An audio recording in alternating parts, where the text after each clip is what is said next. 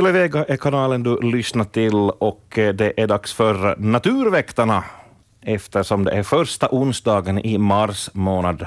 4 mars för att vara exakt. Roger Kjellman heter jag som sköter om det här tekniska, denna naturväktarsändning. Förhoppningsvis så kommer biolog Hans Hästback att kunna besvara samtliga frågor som tas upp till behandling idag. Hur står det till Hans? Ja, tack bara. Vi, vi tar frågorna som de kommer. Mm, du är fylld av självförtroende och jag litar på dig. Och vi har också med oss Nina Bergman som sköter om bildbloggen, för en bild säger ju mer än tusen ord. Vi har också fått in ett par videofiler och det säger väl en video säger väl mer än tusen bilder kanske? Ja, ibland. Mm. Ja. Uh, no, det är närmast lätena som har förevigats, så dem ska vi också höra. Men uh, vill du vara med i sändningen så är telefonlinjen öppen 0611 12 13 och det kommer den att få vara en, nästan ända fram till klockan 11 då programmet är slut för denna gång. 25 cent kostar det per minut att ringa in hit till sändningen. Du kan också sända då bilder eller videor eller bara gammaldags text per e-post, vega.natur.yle.fi. Och där finns det en hel del att bita i. Allt kommer tyvärr inte att hinna med denna gång heller. Det räcker inte vår sändningstid till. Och ja, Nina då, hon tar hand om bildbloggen. Den finns på adressen svenska.yle.fi natur och där finns en del bilder redan postade. Det var de tekniska detaljerna det då. Vad ska vi säga? I alla fall här i Österbotten har det kommit snö nu äntligen. Ja. Denna eländiga vinter som vi har haft så här långt, så har ja. blivit lite vitare. Mm, vi har en liten vinter som bäst. Då. Solen skiner nästan, ja det är halvmuligt i Vasa och uh, så har vi snö och is, så det känns bra. Mm. Sen går vi med raska steg mot uh, vårdagjämningen den 20 mars. Då vinner ljuset över mörkret än en gång. Ja. Men den här, den här uh, typen av vinter har väl ändå varit en prövning för många djurarter? Ja, inte bara för människan, utan för många ute i naturen. De, de har ju nog fått kämpa med märkliga vinterförhållanden, de övervintrande djuren av mm. olika slag. Sådana som byter till vinterpäls, så, så var det lite bestört över att de inte haft någon nytta av sitt kött. Ja, tänk på skogshare och hermelin och, och, eh, och vessla dalripa som byter till vita, vita vinterdräkter. Så mm. I halva landet så har de ju inte haft någon nytta av det ja. under stora delar av vintern. Min stilla fundering är att då har väl liksom rovdjuren haft rena buffén när de kunnat se bytena mycket enkelt. Ja, Sorkarna har inte kunnat gömma sig in i snön och sådär. Ja, de har nog haft det lättare än normalt, de här rovdjuren, att hitta bytena. Speciellt de vita bytena. Mm. Så är det. Nå, vi får väl lägga vår tro till att det blir vinter nästa vinter. ja, man vet aldrig. man vet aldrig nu för tiden.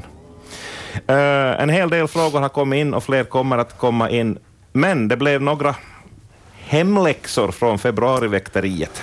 Ja, framför allt så var det en, en uh, bild på en insekt som uh, Kent Engqvist hade hittat och fotograferat mm. i sin halvfärdiga källarvåning. Och, och det här är då ett litet kryp som eh, Anders Albrecht har, har tittat närmare på. Han kunde meddela att det här är en stövslända och eh, det finns ett eh, 60-tal arter av, av stövsländor.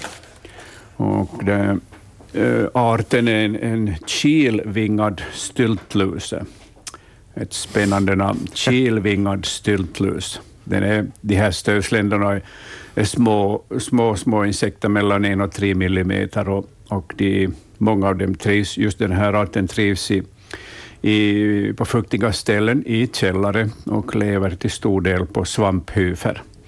Uh, jag tycker inte att, uh, att Kent Enqvist behöver åtgärda dem på något sätt. De är ofarliga de, här, de, de bara lever sitt eget liv i, i, den här, i fuktiga ställen av, av, av huset, så att, så att de ställer inte till med något, något besvär. Inte. Mm. Det var betryggande svar. Ja, ja. Ja, de, är ganska, de har ju den här, just den här arten så är till hälften genomskinlig, kan man säga, och sen har den bruna färgpigment, speciellt i bakkroppen. Och, och sen står, är, är vingarna Eh, ställda just på kil, kilvingat, alltså som en Ja, ja. kil eller ett skarpt tak. Ett, ett brant tak. Därför heter den kilvingad styltlös. Mm. Så, Det var det. Mm. Och ytterligare någon gammal fråga. ja, vi hade en fråga från Iskmo, om jag minns rätt, där, där eh, en Glosjö hade blivit fullständigt uh, igenvuxen av sköldmöja, eller vattenranunkel. Och, och det är ju en vanlig växt i, i, i våra, våra vatten, i våra trakter. Och, eh, lyssnaren undrar vad, vad det kan bero på att, att den har blivit så otroligt vanlig. Och det beror nog helt enkelt på att förhållanden för den här vattenranunkeln är exceptionellt goda i det här relativt grunda vattnet. Och därför har de tagit över helt och hållet. Det är inget, inget speciellt uh, uh, eh, miljöproblem eller sånt där, utan det är en naturlig, en naturlig följd av att, att vattenranunkeln har hittat de här extremt goda förhållandena och, och har mm, tagit över helt och hållet. Ja. Det är en, enda att vänta och se att, att den minskar i, i, i sin talrikedom och, och eh, gör det möjligt att färdas på det här vattnet igen. Men för alla, alla det här s- fiskyngel och vattenlevande insekter så är ju en sån här rik, rik det här vattenväxtlighet till godo. Inte för alla, men för många. De har ju ett gott skydd. Ja, det bildar som en täckande yta Mm, där man det, kan simma under. och så finns det mycket smådjur, mikroskopiska smådjur under den här, eh, i skydd av bladen och, och på de här flytande stammarna. Men man kan inte göra någonting åt det om man inte gräver bort alltihop och det förstör ju hela vattnet förstås. jo, det är inte nat- naturligt, naturlig sjö mera, Ja, nej. om man går så åt. Så var det visst någon skelettfråga också. Nu har jag tyvärr lyckats slarva bort ursprungliga frågan, men du har svaret.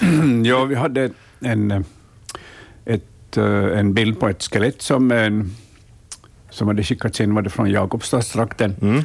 Och, och eh, lyssnaren undrade vad det kunde vara för djur och, och, och vi kom till att det är en rev. Mm, sen har en skarpögd lyssnare varit i kontakt med mig och, och föreslagit att det skulle kunna vara mård eftersom, eftersom det här eh, öronen såg ganska runda ut på det här skelettet. Så jag kontaktade eh, lyssnaren och, eh, som hade fotograferat det här skelettet och hörde mig för och han sa att nej, nu är det Eh, Efter att han hade lyssnat på svaret så kom han till att det var en farmrev. Det finns en stor revfarm där i närheten, och, så det var en rymling därifrån som hade krupit in under huset, i, under grunden. Då. Och han sa att, att den här ruttna lukten så bestod mycket av fisklukt också. De matas ju med fisk, de här, de här revarna och minkarna i farmerna. Så det var. Men re, farmrevarna har faktiskt rundare öron än rödreven. Så, så i det avseendet hade det här vår skarpögda lyssnare rätt att, att det kan, kan ha varit ett annat, ett annat djur, men en farmrev. Mm. Just det där, den sökte skydd under en husgrund, det är väl kanske lite typiskt om en räv har bott då i, i bur i, i, i hela sitt liv och lyckas smita då och Ja. lite förvirrad att hur gör man här nu då? Ja, ja, revar har ju sina lyor inne i marken och, och det är ju deras eh, tillflyktsort, så den hade helt enkelt gjort på det sättet, svultit ihjäl. De kan ju inte livnära sig själva, de här farmrevarna. Om inte de råkar smita från en farm då på våren eller sommaren då det finns gott om byten i markerna. Mm. Men en farmrev, så en liten korrigering av, av det där svaret. Ja. Alltså den, den, den klarar inte av att jaga själv. Nej, det gör det inte. För jaktinstinkten den, den sitter ju i generna, men det här beteendet, så det måste väl Beteende. läras av äldre, Ja, ja, föräldrarna och sådär. De, de lär ju sig det där under valptiden och ungdomstiden. Och, och, och sen har de ju någon kondition heller att, att, att luffa omkring långa, mm, långa sträckor för att hitta föda. Mm.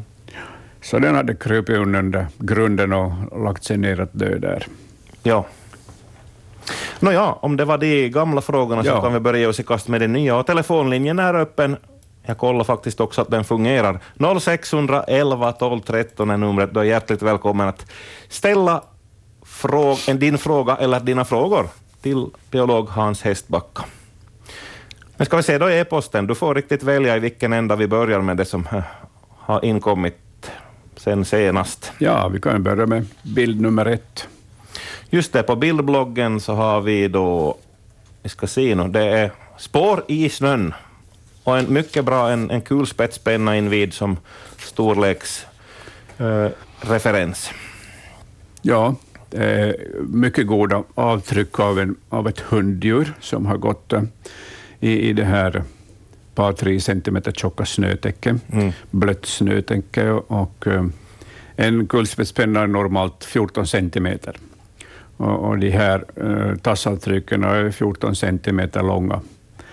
Uh, det passar in på varg eller stor hund. Mm. Uh, nu är det ju sällan som, som hundar springer lösa idag, de hålls ju fast. Så att det här är nog en sån här strykarvarg som vi har på gång nu i Österbotten.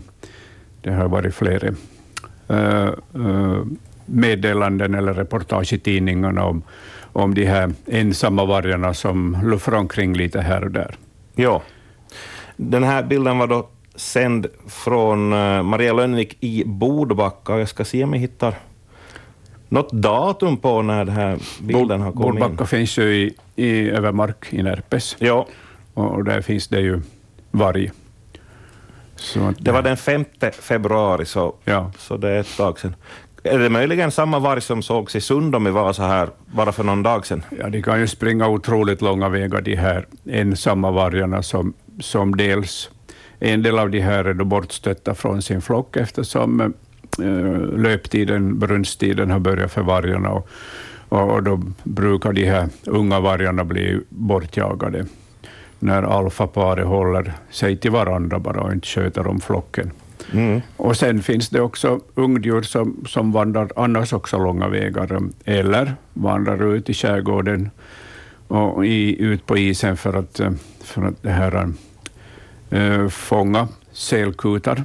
Det finns ju dokumenterat sedan gammalt att vargar brukar göra så, att de går ut i isen den här tiden på året för att då Eh, framförallt då jaga gråsälskutar, men också vikarkutar. Och i år så hittar ju de, de som vill hitta eh, sälkutar ute på isen, framförallt vikarkutar, så gör det lätt för att det finns inga snöhålor där de kan gömma sina, sina kutar i, i år. Mm. Hej, när vi nu en gång pratar varg så då tar vi upp denna fråga som kom in eh, sent igår kväll från signaturen Orolig mamma. Så här lyder den, lyder den. Hej Hans, jag funderar på vargen. Jag inbillar mig att man är citat säker dagtid, men hur sant är det här? Nu då varg rör sig i mitt närområde, kanske det då just här runt Sundom som det var aktuellt. I mitt närområde så är det ändå säkert att gå skogspromenader med en mellanstor hund och bebis dagtid. Eller kan vargen komma på då? Jag har även funderat, eh, då jag har min bebis sovande i vagnen ute, hur lätt byte hon är för en varg? ja, det är klart.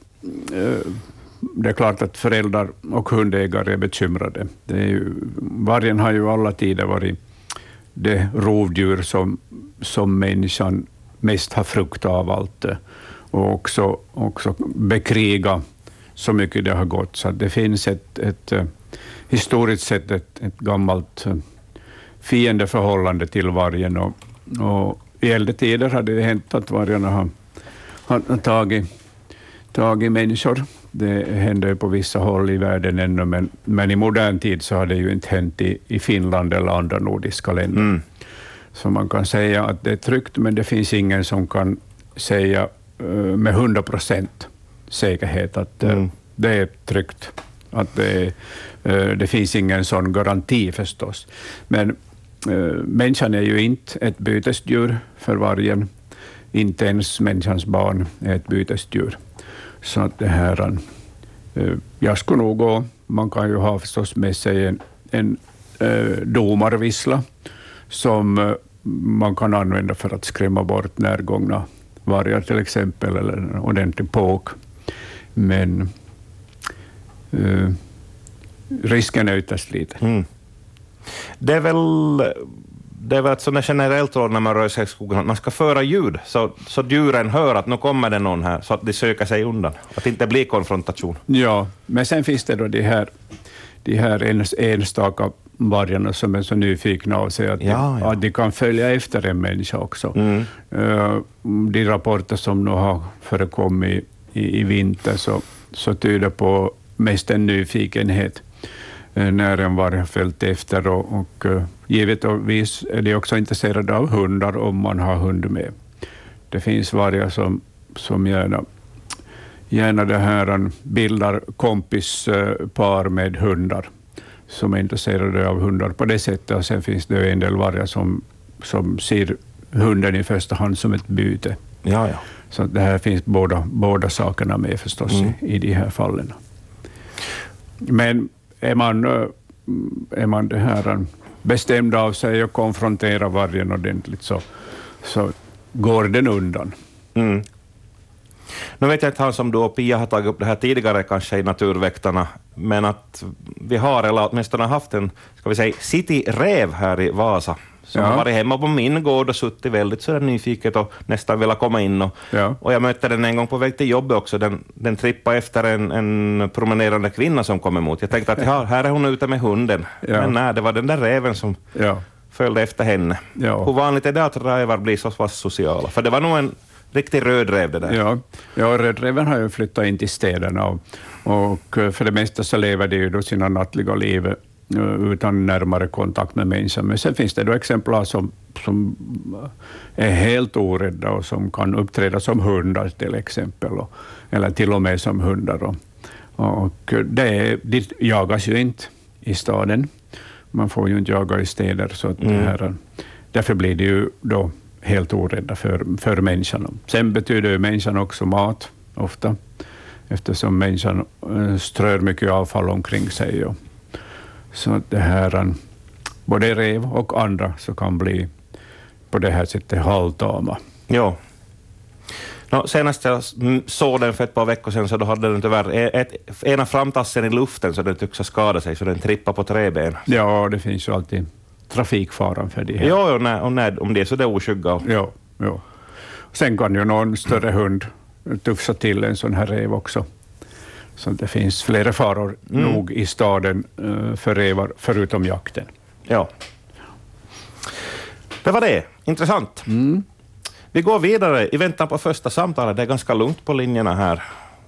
Men 0611 12 13, det är numret. Och vega.natur.yle.fi, den, den adressen används desto flitigare. Ska vi ta en, en ljudfråga? Ja. Vi ska se här om du söker fram bland dina uh, arkiv. O, uh, Olav Nylund, nu ska jag gräva fram här. Mm. Här. Det var han med koltrasten, jo. Jag kan läsa frågan här först. Ja. Uh, så här skrev han för halvannan vecka sedan. Hej, jag trodde... Nej, nu, nu får Olofs fråga vänta lite, för nu ringer det faktiskt någon. Hej, välkommen till Naturväktarna. Ja, hejsan. Jag var Lisbeth från Petalax. Hej på dig. Hördu, jag skulle vilja fråga en sak. Jag för, du vet, igår då vi vid matbordet, så då vi började skåda ut så tänkte jag, men vad är handfågelholkan? Och, och så måste vi riktigt ta kikaren över kik. Och så plötsligt så kom ett och så var en pärluggla. Ja. Mm. Men alltså, är det vanligt att de kommer och söker bo i fågelholkan? Uh, hur stor är holken? Nej, inte an, är ju som, är ju ett stort hål heller och är, för vi vill ju inte ha hackspett samtidigt. Ja. och, det är kanske... är ju som en vanlig fågelholk. Ja. Men, men varför, varför sökt hon dessa tid och hon får ju iväg då. Uh, ingångshålet är kanske fem centimeter? Ja, lite mer. Lite mer. Ja. ja. jag tror att det här är en sparvuggla. Jaha, när vi hade en fågelbok och vi skådade nog att det var en pärluggla, men kanske det var en sparvuggla. Uh, men uh, hur stor såg den ut i jämförelse med... Uh... men du vet, det gick så snabbt ja. innan att de for iväg så det var bara som ett swish. Ja. Men det är en, en, en vanlig småfågelholk? Ja, är nog det. Ja. ja, då håller jag nog en, en god hacka på att det är en sparvuggla, vår minsta uggla. Den ja. är stor ungefär som en domherre. Ja. Och, och eh, de söker sig rätt ofta till bebyggelse under vintern, eh, där de då passar på att jaga smågnagare och småfåglar vid sådana här vinterfågelmatningsplatser. Jaha. Och de kan lägga upp förråd i, i, i holkar då för att ha när det är kärvare tider, så jag misstänker Ja. att den har ett förråd med, med byten där i den där holken. Ja, ja. I princip så är ju inte pärlugglan utestängd, därför att pärlugglan kan också förekomma på gårdsplaner om det finns eh, lämpliga holkar, men att de brukar nog behöva större, lite större holkar. Eh, en, en stor starholk passar för, för pärlugglan. Eh, ja. Jag inte har ju riktigt liten handehårtsin heller så. ja, ja. Och sen ska nog ingångshålet vara en åtta centimeter. Men det tror jag nog är nästan är det. Jaha, no, ja, men då kan vi inte utesluta spar, äh, pärlugglan heller. Det är mycket möjligt. Ja, den, den, För den, vi, vi var nog ganska säkra på det för. Vi tog fram, ja, vi har hon i köket och hon är fågelboken. ja, ja. Så jag tror nog bestämt nästan men jag tänkte varför söker de sig till gården? ja de söker sig till gårdar just för att det finns byten. Ja, ja. Ma, matar ni småfåglar? Ja, det gör jag. ja, ja. Och, och då finns det ju alltid lite sorkar och möss också som, som plockar åt sig på nätterna av de här nerfallna, nerfallna fröna. Så att eh, det är de här eh, smågnagarna och småfåglarna som lockar ugglorna till gården. Jag tänkte det var mitt i dagen att varför hon nu då. Ja, precis. Ja. Pärlugglan brukar inte vara i farten mitt på dagen, men, Nej, men, eh, nog, ja. men det här, eh, sparvugglan kan vara i farten Ja, mitt på dagen. Vi måste se om han kommer på nytt. Ja, ja. Ja, ja, det var det jag ville fråga om. Mm. Tack, tack. Tack så mycket för samtalet. Ja. Hej, hej. Hej då. Mm. Det var en intressant observation. Ja, och man blir ju givetvis förvånad när det dyker upp en uggla på gården, för att det är ju man inte van vid. Man är ju van vid att ugglorna ska finnas i, ute i skogarna. Mm. På tal om det så är det sådana här uggleexkursioner på gång. Ja, Som bäst. de har ju sin, sin speltid nu, ugglorna. Mm. Och sånt här milt väder, så, och speciellt om det blir vindstilla på natten, så brukar inspirera dem att sjunga och spela. Mm. Vi ska se vad följande lyssnare har på hjärtat. Hej, välkommen till Naturväktarna. Kurre Lundqvist från Helsingfors, hej. Hej. Jag har följt med en flock med gråhäger här i östra Helsingfors. Ja. Hur vanligt är det den här tiden på året? Uh, gråhägern så kan övervintra i de nordiska länderna eh, om vintern är mild och så länge de har tillgång till öppet vatten. Och, och I år har det ju varit isfritt i, i södra Finland hela tiden. Och, och, eh, det, är, det är helt, anpassar sig helt enkelt till det varmare klimatet och, och de förmånligare vintrarna. Så att det, här, det finns många observationer på övervintrande gråhägrar i södra Finland i år.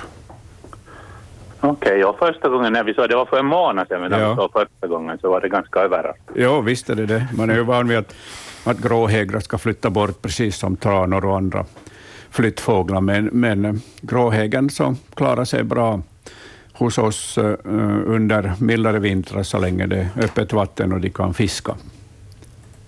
Okej, Mm. det var det jag tänkte fråga. Ja, ja. Tack så mycket. Mm. Tack, tack. Tack, hej. Hej, hej.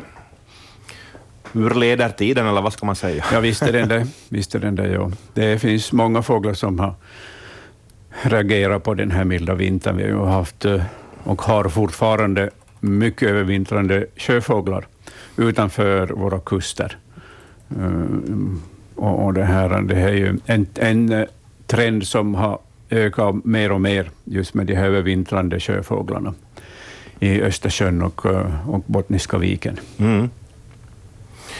Vi ska se här nu. Ja, men vi tar det här ljudet nu då. Ja. Nu ska vi se här. Jag ska söka fram frågan på nytt. Nå, det är svårt med tekniken denna gång. Sådär, jo det var Olav Nylund som skrev så här. Hej, jag trodde inte mina öron då jag öppnade fönstret klockan sju på morgonen den 20 februari i Roparnäs i Vasa. Det lät som en koltrast som sjöng och den är kvar ännu idag, skrev han då eh, för halvannan vecka sedan. Uh, brukar de vara så här tidiga? Och nu ska vi lyssna på Olavs ljud då, så får vi verifiera eller avvisa teorin.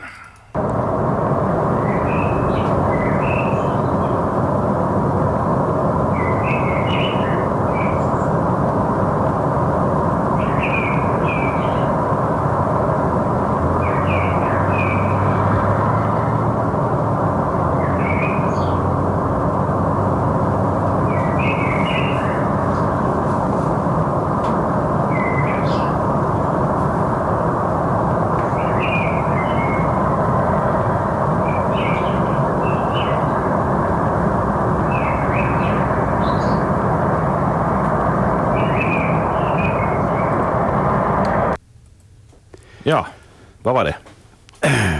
Antingen koltrast eller dubbeltraste. Uh, mm.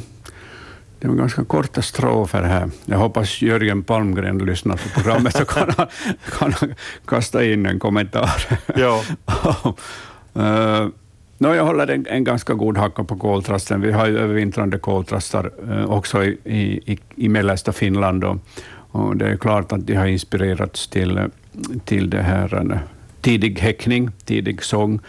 Uh, vi vet ju att i, i, i Nyland så har ju redan de första Eh, dokumenterade koltrastungarna, kullarna, hoppa ur sina boner. Mm. Så det är ju otroligt rekordtidigt. Koltrasten verkar att vara en, en art som, som eh, eh dels har den börjat övervintra allt mer i Finland och dels har den, eh, kan den utnyttja de här milda, milda vintrarna och eh, vad ska vi säga, tidiga vårarna, fast vi inte har vår ännu, och eh, sätta igång med sin häckning. Mm.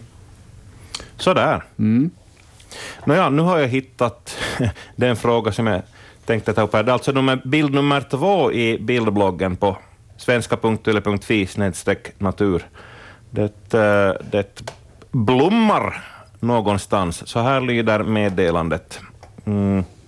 Det är Kai Jofs som har skrivit. Det var också i början av februari faktiskt, så det här är eh, ännu mer remarkabelt om det stämmer. Han skriver så här, hej, i förrgår frös vår, våra gårdsjulrosor.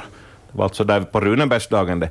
Två röda blomknoppar har, hade rosen. Men kan lingonen redan ha börjat blomma? Detta såg jag högt uppe på ett soligt berg i Esbo. Och så en bild som finns där på bildbloggen. Ja, här har de här lingonplantorna, några stycken, så har blomknoppar som inte är utslagna. I bakgrunden så, så har vi då uh, ja. Ja, men de här, de här eh, lingonen så de blommar inte ännu, men att de är väl utvecklade, de här, eh, de här blomknopparna, och kommer att tydligen blomma tidigt med tanke på att lingonen brukar blomma först under sommaren. Mm. Och det är ju den här milda vintern som, som har gjort uh, att uh, de har kunnat, en, enstaka exemplar har kunnat utveckla sina knoppar ja. med, uh, längre än normalt. Så det här, visst är det ett fenomen det här också, att växter reagerar på det här sättet, men det finns alltid en minoritet bland, bland växterna som kan snabbt reagera på ändrade uh, uh, årstids väderleksförhållanden. Mm. Det tog det vara extra varmt där i, ja. på berget. Ja, de här blommorna som syns är väl ljungblommor från i fjol uh, i bakgrunden av de här lingonen. Mm. Nåja, det var det. Uh, naturväktarna har kommit fram till kvart i tio. Vi har gott om sändningstid kvar ännu och det är bra, för vi har många frågor att besvara. Nu Hans, nu är det riktigt upp till dig att välja. Följande spörsmål. Ja, vi kan fortsätta till bild nummer tre. Mm. Spår i snön igen. Ja, ja vi har ju, det är ju alltid intressant det här då vi får snö, eller uh, reser iväg till norra, nordliga områden där det finns snö, och då kan man alltid följa med de här, de här spåren i snön, spåren som däggdjur och fåglar sätter i snön. Mm. En intressant sysselsättning. Jag kan läsa frågan. Ja. Det är Viktor Paul som skriver så här för sex dagar sedan skrev han in till oss. Hej, jag var med ett par vänner och skidade kvällstid i Ylles nationalpark tisdagen den 18 andra. Eh, efter 18-tiden så såg vi färska spår på skidbanan och nu undrar vi om dessa kunde vara från ett loddjur. Spåren eh, följde med oss, eller djuret hade gått före en lång bit. Ibland såg det till och med ut som att det fanns två djur. Orsaken till att vi, vi visste att spåren var färska är då de kom under vårt 20 minuters paus. De fanns inte på vägen till destinationen, men nog på samma väg tillbaka. Och då föll det snö, så det var ny snö där. Jag väntar med iver på svar. Ja, det kan mycket väl vara lo. Och eh, här på den högra bilden så ser man ju spår spårtassavtrycken lite bättre och de är ju runda. De här, och, eh, dels så rör sig lohonan med sina ungar, en eller tre ungar, eh, tillsammans fortfarande. Och sen har ju lon börjat med sin brunsttid och, och då kan ju hannarna söka upp honorna så att, att, att sidospår från flera stycken lodjur så är helt möjligt. Mm. Och det är ju inte, de hör ju människan på långt håll, så, så fast man kommer skidande så försvinner de snabbt i skogen när de märker att människan närmar sig. Så att, uh, det är helt möjligt att det är uh, lor som har gått här. Och av vad jag ser av spårstämplarna så hittar jag något annat alternativ. Ja. Dessutom är ju en sån här, uh, ett tillplattat område där det finns då skidbana, eller ska vi säga en skidbana, så det är lätt att gå, gå på det här istället för att eh, plumsa fram genom eh, djup snö. Det har ju varit ganska djupt med snö i Lappland i år. Och, och eh, så här brukar ju också vargen göra. När den kommer till en väg så kan den gå långa sträckor, eller ett skidspår, så kan den gå långa sträckor på det här, för det är mycket bekvämare. Mm.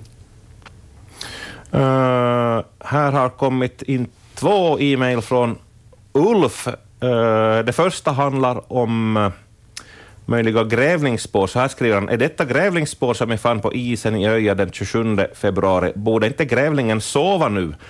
Skidan är 40, 43 mm bred som jämförelse. Järv kan det väl knappast vara. Och det är två bildlänkar i det här mejlet, men tyvärr så har överföringen av bilderna misslyckats. Så, så vi har inget bildbevis, men vi kan lite teoretisera kanske. Kan det vara en grävling som har vaknat? Redan nu? Alltså det Ulfs, Ulfs bilder? Uh, ja, ja, han har skickat två mejl.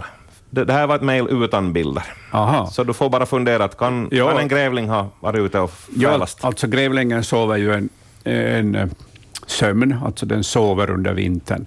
Den ligger inte i, i dvala, utan den sover precis som, som björnen gör och, och det betyder att den kan vara ute och luffa Eh, på, mitt i vintern om det är milt väder och den vill lufta på sig. Mm. Så att det är helt möjligt att se, att se grävlingsspår under vintern, speciellt under milda dagar. Ja. Det där med att han, han själv betvivlar att det ska vara järv, rörde sig järvar i de trakterna överhuvudtaget? No, det finns ju järv här och var, och jag har själv sett järvspår förra veckan i, i, en bit in i landet. Och, det är ju det är ju ett djur som, ett mårddjur, vårt största mårddjur, som luffar långa vägar, så att man kan nog se järv också ute vid kusten. Mm. Eh, de ser ut som små björnspår, som uh, små tassar av en björn, de här järvtassarna. Men järven har väl långa klor? Den klättrar ju ut träd. No, det gör ju björnen också visserligen. Ja, uh, alltså järven har ju markanta klor, som man ser de här kloavtrycken. Eh, det har också grävlingen, men den har betydligt eh, smalare klor, så det blir sådana ganska tunna, djupa spår efter klorna, speciellt i dy, men det syns också i blöt snö. Mm. Och grävlingen gräver ju sig ner, mm. snarare än klättrar i träd. Ja. Så att båda alternativen är möjliga, mm. och, men grävlingsspåren är betydligt mindre förstås än, än järvspåren. Mm. Nåja, Ulf, han hade bättre lycka då han sände ett e-mail igår. Bild nummer fyra, det är ett bildmontage på bildbloggen. Här syns också att det är skidningarna idkat på isen. Så här lyder hälsningen då. Hej, det finns spårsnö på isen efter fredagens snöfall. Vi hade nöjet av att följa bifogade spår på Vargholmsfjärden i Öja i Karleby då, i flera kilometer. Vi kom fram till att det var tre individer som gick från grund till grund och kollade om det gick att komma ner under den uppstående isen. Några gånger kom inte spåren alls upp igen, utan man fortsatte tydligen under isen, simmande eller i luftspalten där mellan is och vatten. Isen var blank under det tunna snötäcket och en del av färden gick rutschande på mage. Detta måste ju vara utter. Uh, hur klarar uttern en hård isvinter? Har ja. de bo under isen? Ja, det här är utespår. Det är alltså hona med två ungar som har varit i farten. Och, uh, man ser de här spårstämplarna, mycket tydliga utterspår. Uh, och dessutom uh, rutschkanor. Då. Mm. De tycker ju om att rutscha på isen, och speciellt i sluttningar, både under under, uh, snö, under vintern när det är snö i backarna och sen också på leriga strandbrinkar så kan de rutscha ner för de här strandbrinkarna. Uh, Och det är typiskt just att de springer från, från eh, ett ställe till ett annat ställe där isen är sönderbruten av en undervattenssten för att komma då in under isen och fiska. Mm. De lever ju till största delen på fisk, eh, äter också groddjur om de får tag i dem på vintern. Sen på sommaren så har de en mer varierande diet, men, men fisken är det helt avgörande på vintern. Och de kan ju springa långa vägar, många, många kilometer under en natt från, från olika, mellan olika vattendrag och, mm. och eh, de hittar nog förr eller senare då ett öppet ställe eh, där de kan då dyka ner under isen och, och söka efter, efter fisk. Sen känner de ju sina hemmavatten otroligt bra och kan eh, simma under isen till ett annat ställe där det finns, finns sönderbruten is. Så att de är mer skickliga än vi skulle tro. Mm. Och, och, det här. Så en fin observation på utter och, och goda bilder, utmärkta bilder på utespår. Ja, härligt. Mm.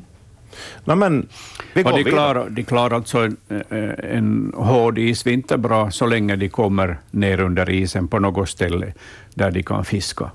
Och om hela skärgården är fullständigt fastfrusen så kan de ju vandra långt ut eh, till yttersta havsbandet för att där komma ner under isen. Jaha. Eller in till åar för att hitta, hitta öppet vatten vid något strömdrag, mm. vid, vid, här, vid någon fors. Ja. Nåja, här en kort fråga från Östnyland. Det är Rita som skriver. Hej, den 20 februari när jag var ute med barnbarnen så såg vi två nyckelpigor på en sten i solen. Hur klarar de sig? Troligen ja. inte. Ja, de klarar sig bra. De gör det? Ja, det är förstås det milda väder som har, satt, eh, som har fått dem att eh, vakna till och, och bli aktiva. Sen om och när det blir kallt, mm. där de har dykt fram, så uh, kryper de ner i växtligheten i förnan igen och, och fortsätter sin vinterdvala. Så det här, de klarar nog sig. Okej. Okay. Ja, men det är ju klart, de blir ju störda i sin, i sin normala rytm, mm. de här nyckelpigorna och andra insekter som, eh, som vaknar för tidigt mm. på grund av, av plusgrader och smältande snö eller regn. Är det mer regel än undantag att, att djur eller djurarter klarar av att vakna upp någon gång under vintern, när det blir mildare eller det störs av någonting? Nu är det ganska normalt nog. Mm. Ja. Men väck inte den björn som sover. Nej, nej. Ja, björnarna har ju hittills, av vad vi vet, så har de hållit sig i sina iden.